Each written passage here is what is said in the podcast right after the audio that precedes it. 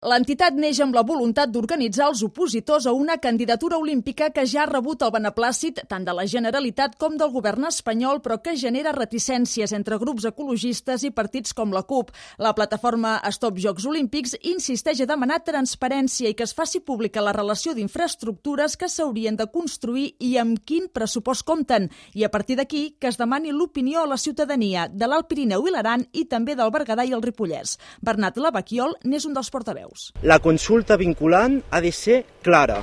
Jocs Olímpics sí o no, que no ens ho maquillin amb un pla de desenvolupament del Pirineu que saben que és mentida perquè el pla de desenvolupament que necessita el Pirineu va amb el sentit de diversificar l'economia i no de continuar apostant per un monocultiu turístic. Encara s'ha de concretar dia i lloc, però l'objectiu dels contraris a la candidatura olímpica a Pirineus Barcelona 2030 és mobilitzar-se a finals d'octubre a la Cerdanya per fer visible l'oposició al projecte.